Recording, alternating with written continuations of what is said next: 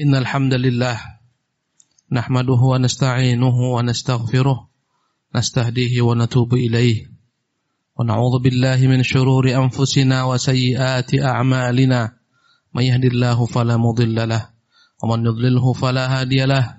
أشهد أن لا إله إلا الله وحده لا شريك له وأشهد أن محمدا عبده ورسوله لا نبي بعده.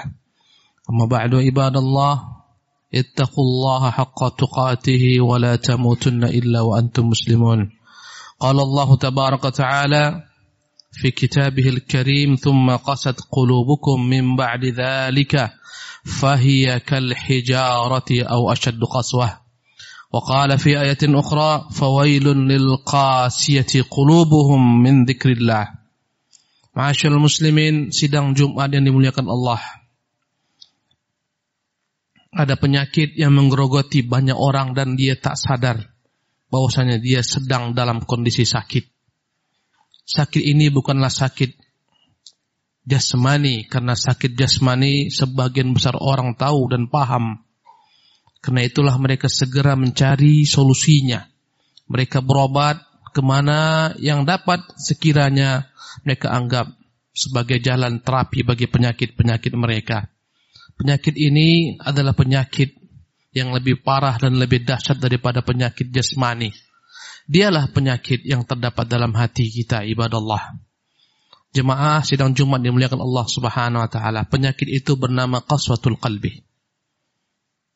Kita terjemahkan dalam bahasa kita penyakit hati yang mengeras.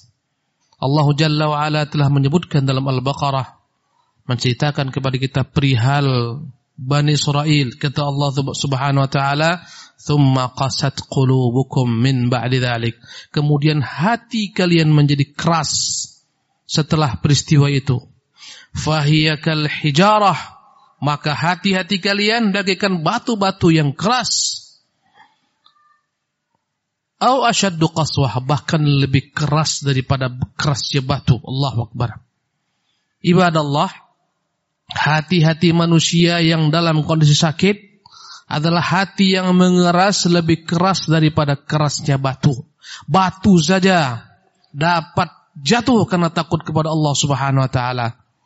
Wa inna min al-hijarati lama yatafajjaru min khasyatillah wa inna minha lama yashaqqaqu fayakhruju minhu al-ma'.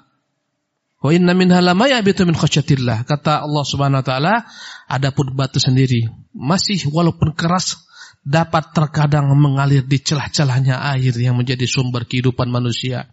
Wa inna minha dan di antara batu ada yang jatuh lama yahabitu min khasyatillah karena takut kepada Allah Jalla wa Tuhannya. Batu jatuh karena takut kepada Tuhannya Jalla wa. Batu yang keras bisa menjadi sumber kehidupan dari celah-celahnya mengalir air yang bermanfaat bagi manusia. Namun hati manusia ketika telah membatu la khaira fih. Tak ada lagi kebaikan dalamnya. Ibadah Allah, Allah mengancam sebagaimana terdapat dalam surah Zumar yang tadi kita bacakan pada ayat ke-22, fawailun lil qasiyati qulubuhum min. Sungguh celakalah dan kata wail dalam bahasa Arab bisa diartikan celaka binasa. Bisa juga diartikan dengan lembah yang terdapat di dalam neraka. Fawailun lil qasiyati qulubuhum min dzikrillah. Maka nerakalah, maka lembah neraka wailah yang akan dipersiapkan bagi orang-orang yang hati mereka mengeras disebabkan tak mau berzikir kepada Allah Jalla wa ala. Muslimin dimuliakan oleh Allah Subhanahu wa taala. Hati kita ini begitu butuh nutrisi yang dapat membuat dia menjadi lembut dan subur. Al Hasan Basri rahimahullah tabaraka taala mengatakan, "Hadithu hadhil quluba fa innaha sari'atud duthur." Hendaklah kalian senantiasa memperhatikan hati-hati kalian. Sesungguhnya hati itu cepat sekali mengeras. Masyaallah muslimin dimuliakan oleh Allah Subhanahu wa taala.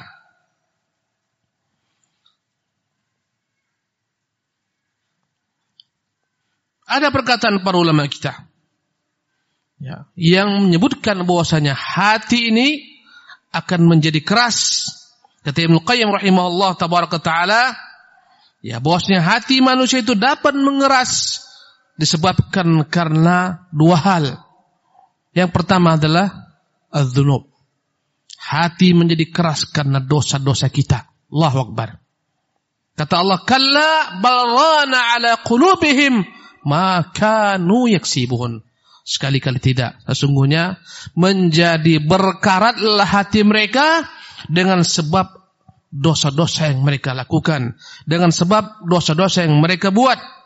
Maka ini sebab yang paling dahsyat ibadah Allah membuat hati kita ini mengeras Dosa-dosa yang kita lakukan, dosa yang diperbuat oleh tangan-tangan kita, yang diperbuat oleh mata-mata kita, yang diperbuat oleh lisan-lisan kita, yang diperbuat oleh kaki-kaki kita, semuanya kumpul menjadi dosa-dosa yang membuat hati ini lambat laun menjadi keras, bahkan lambat laun menjadi berkarat dan ujungnya hati pun menjadi mati ia dan billah. Ketika dia telah mati, maka tak ada baginya kehidupan selama-lamanya maka dia telah menjadi hati yang terbalik. Sebagaimana kata Nabi kita kalkuzi mujakhian bagaikan wadah air yang telah terbalik. La ya'rifu ma'rufan wa la yunkiru munkaran. Tak lagi dia dapat mengetahui mana yang baik mana yang buruk sama sekali bercampur baurlah baginya segala sesuatu. Yang baik dianggapnya yang buruk, yang buruk dianggapnya akan menjadi sesuatu yang paling baik baginya. Innalillah wa inna ilaihi raji'un. Ma'asyiral muslimin yang dimuliakan oleh Allah Subhanahu wa taala. Inilah sebab yang pertama.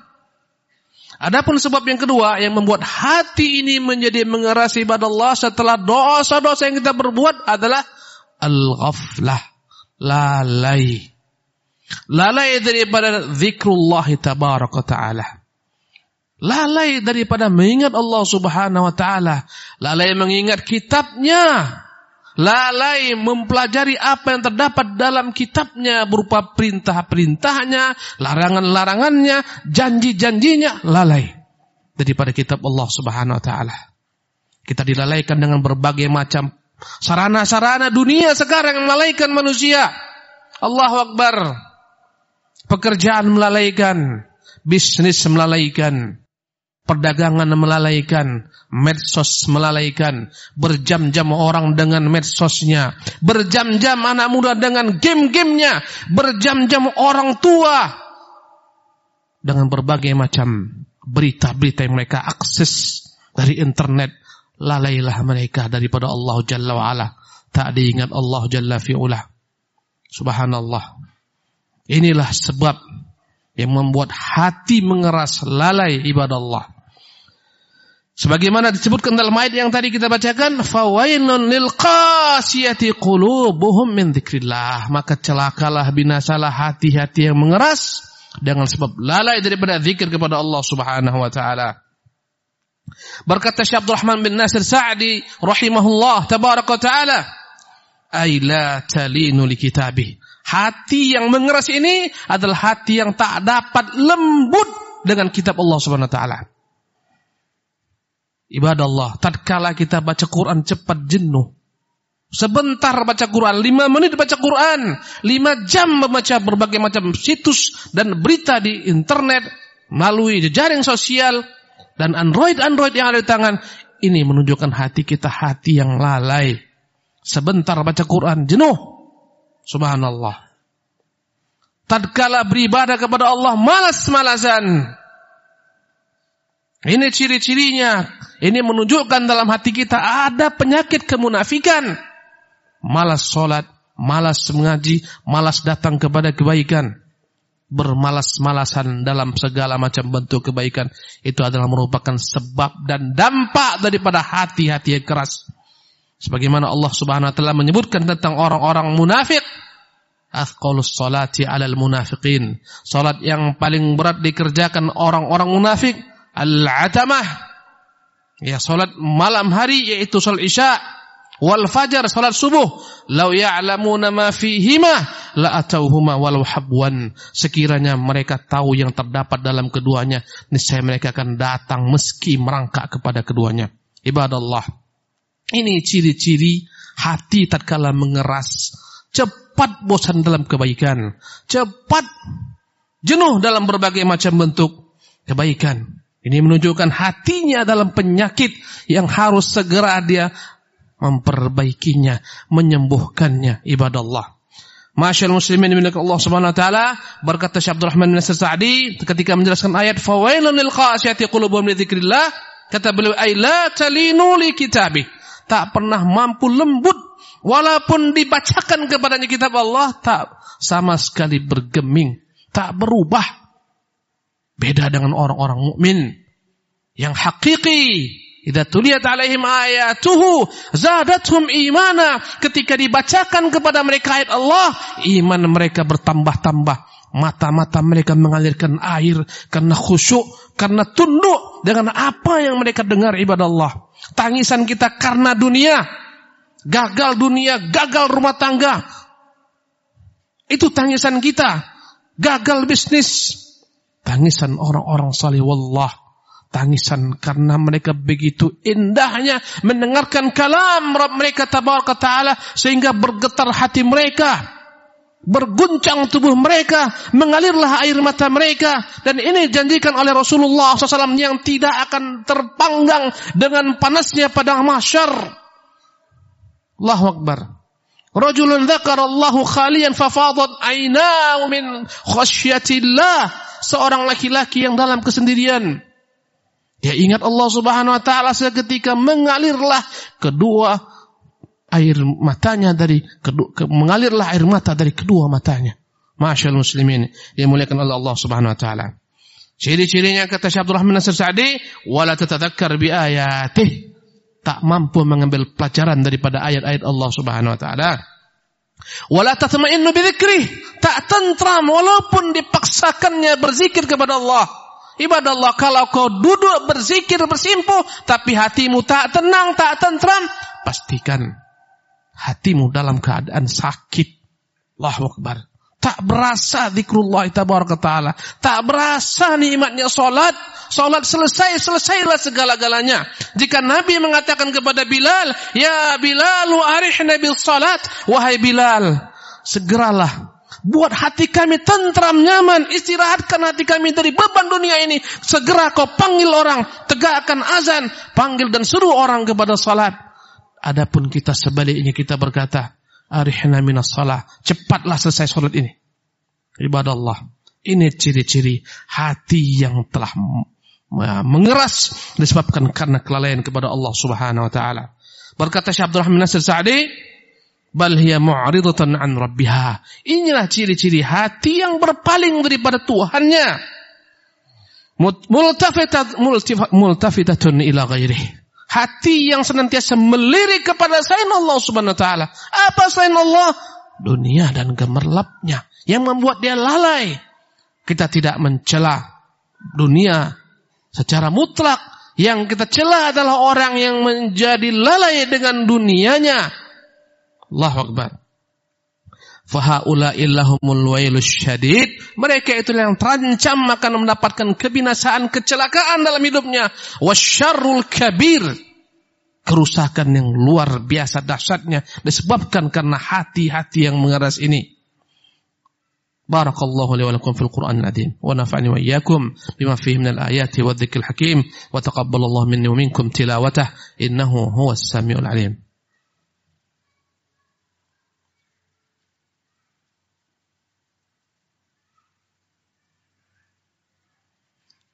Alhamdulillah Rabbil Alamin.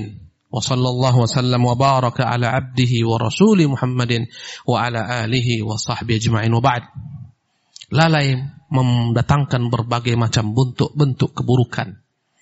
Lalai membuat orang lupa kematian. Lupa negeri akhirat.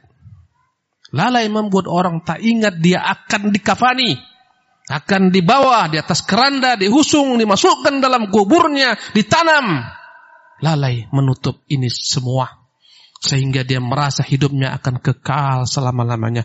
Kalaupun dia mengingat kematian sesaat kemudian pergi lagi. Hilang ingatan tersebut karena dunia yang begitu kuat bergantung di hatinya. Tak ingatlah dia kepada kematian. Tak ingat dia akan dikubur. Sibuk dan sibuk mengejar cita-cita dunianya yang tak akan pernah berakhir. Fala haula wala quwata illa billah. Masyaallah muslimin ini dimuliakan oleh Allah Subhanahu wa taala. Al-Imam Qayyim rahimahullah ya menyebutkan kata beliau khamsatun liqaswatil uh, ada lima sebab membuat hati menjadi mengeras. Khamsatu asbabi qaswatil qalbi. Yang intinya pertama adalah ya kathratul khultah. Terlampau banyak mengurusi manusia. Bercampur baur dengan manusia dan sekarang adalah masa ketika kita selalu bercampur baur dengan manusia bukan dengan fisik kita tidak Perangkat-perangkat membuat kita senantiasa bersama manusia. Berpuluh-puluh grup WhatsApp yang membuat kita lalai daripada zikrullah ta'ala. Beribu, beratus ribu teman-temannya, followernya membuat dia lalai daripada zikrullah ta'ala. Allahu Akbar. Ya, ma'asyal muslimin ini muliakan oleh Allah Subhanahu wa taala. Ini yang pertama, kathratul khultah. Terlampau banyak mengurusi manusia, membuat hati menjadi keras. Melihat si fulan telah kaya, melihat si fulan telah naik pangkatnya, melihat si alan bertambah hartanya. Dan begitulah seterusnya. Fokus pada dirimu. Engkau tidak akan ditanyakan Allah tentang manusia. Si fulan ataupun si alan, Allah akan tanyakan tentang dirimu. Ibadah Allah. Kata beliau berikutnya, warukubu bahdi tamanni yang merusak, yang membuat hati menjadi mengeras, terlampau banyak bermimpi-mimpi dalam mimpi-mimpi dunia yang tak pernah berkesudahan. Wa ta'alluq bi ghairillah, terlampau berharap dan bergantung kepada makhluk. Ini membuat orang dalam kegalauan yang tak berkeputusan. Begitu kuat dalam hatinya tertanam ketergantungan kepada makhluk Begitu besar harapnya kepada makhluk, lupa kepada Al-Khaliq yang maha kuat dan perkasa. Adapun makhluk begitu lemahnya.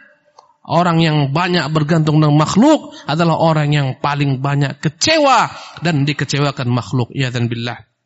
Wa kathratut ta'am. Di antara hal yang membuat lalai adalah banyaknya kita terlampau mengurusi makan dengan segala macam bentuk dan kenikmatan makanan yang lezat-lezat. Semua itu yang kita pikirkan. Subhanallah sehingga melupakan yang lebih penting daripada itu. Allahu Akbar. Jikalah ulama terdahulu salafun salih makan agar mereka dapat hidup, kita hidup untuk dapat makan. La haula wala quwata illa billah. Wa kathratun naum. Banyak tidur. Ini melalaikan. Lihatlah bagaimana para orang-orang terdahulu, bagaimana malam-malam mereka wa kanu qalilan minal laili yahja'un. Begitu sedikitnya mereka di kala malam tidur. Allahu akbar. Apa yang mereka kerjakan? Zikrullah, tilawatul Quran, bermunajat kepada Allah, qiyamul lail. Dengan itulah Allah Subhanahu wa taala selamatkan mereka daripada kelalaian. Jika kau berdiri ibadah Allah, tiap malam sebelum subuh kau kerjakan Qiyamul Lail. Kau baca 10 ayat saja Nabi memberikan kepada kita berita engkau akan selamat daripada orang-orang yang lalai. 10 ayat. Jika kau baca pada rakaat pertama surat Al-Kafirun, rakaat kedua kau baca Al-Ikhlas, rakaat ketiga kau baca An-Nas, lebih daripada 10 ayat, engkau tidak akan dicatat Allah sebagai orang-orang yang lalai. Tapi banyak kita yang lalai ibadah Allah. Masyaallah muslimin dimuliakan oleh Allah Subhanahu wa taala. Demikianlah khutbah yang singkat pada siang hari ini. Semoga bermanfaat bagi kita semua. Semoga memacu kita untuk keluar daripada kelalaian. Wassallu ala nabiyyikum fa inna Allah malaikatahu yusalluna ala nabi. Ya ayyuhalladzina amanu sallu alaihi wa sallimu taslima. Allahumma salli wa sallim wa barik wa an'im ala abdika wa rasulika Muhammadin. كما صليت وسلمت وباركت على إبراهيم وعلى آل إبراهيم في العالمين إنك حميد مجيد. وارض اللهم عن الخلفاء الراشدين المهديين أبي بكر وعمر وعثمان وعلي وعن بقية الصحابة والتابعين وتابع التابعين ومن تبعهم بإحسان إلى يوم الدين. اللهم اغفر للمسلمين والمسلمات والمؤمنين والمؤمنات الأحياء منهم والأموات. برحمتك يا أرحم الراحمين. ربنا ظلمنا أنفسنا وإن لم تغفر لنا وترحمنا لنكونن من الخاسرين. ربنا لا تزغ قلوبنا بعد إذ هديتنا وهب لنا من لدنك رحمة إنك أنت الوهاب. اللهم أرنا الحق حقا وارزقنا اتباعه وأرنا الباطل باطلا وارزقنا اجتنابه. ربنا آتنا في الدنيا حسنة وفي الآخرة حسنة وقنا عذاب النار. أقيموا الصلاة.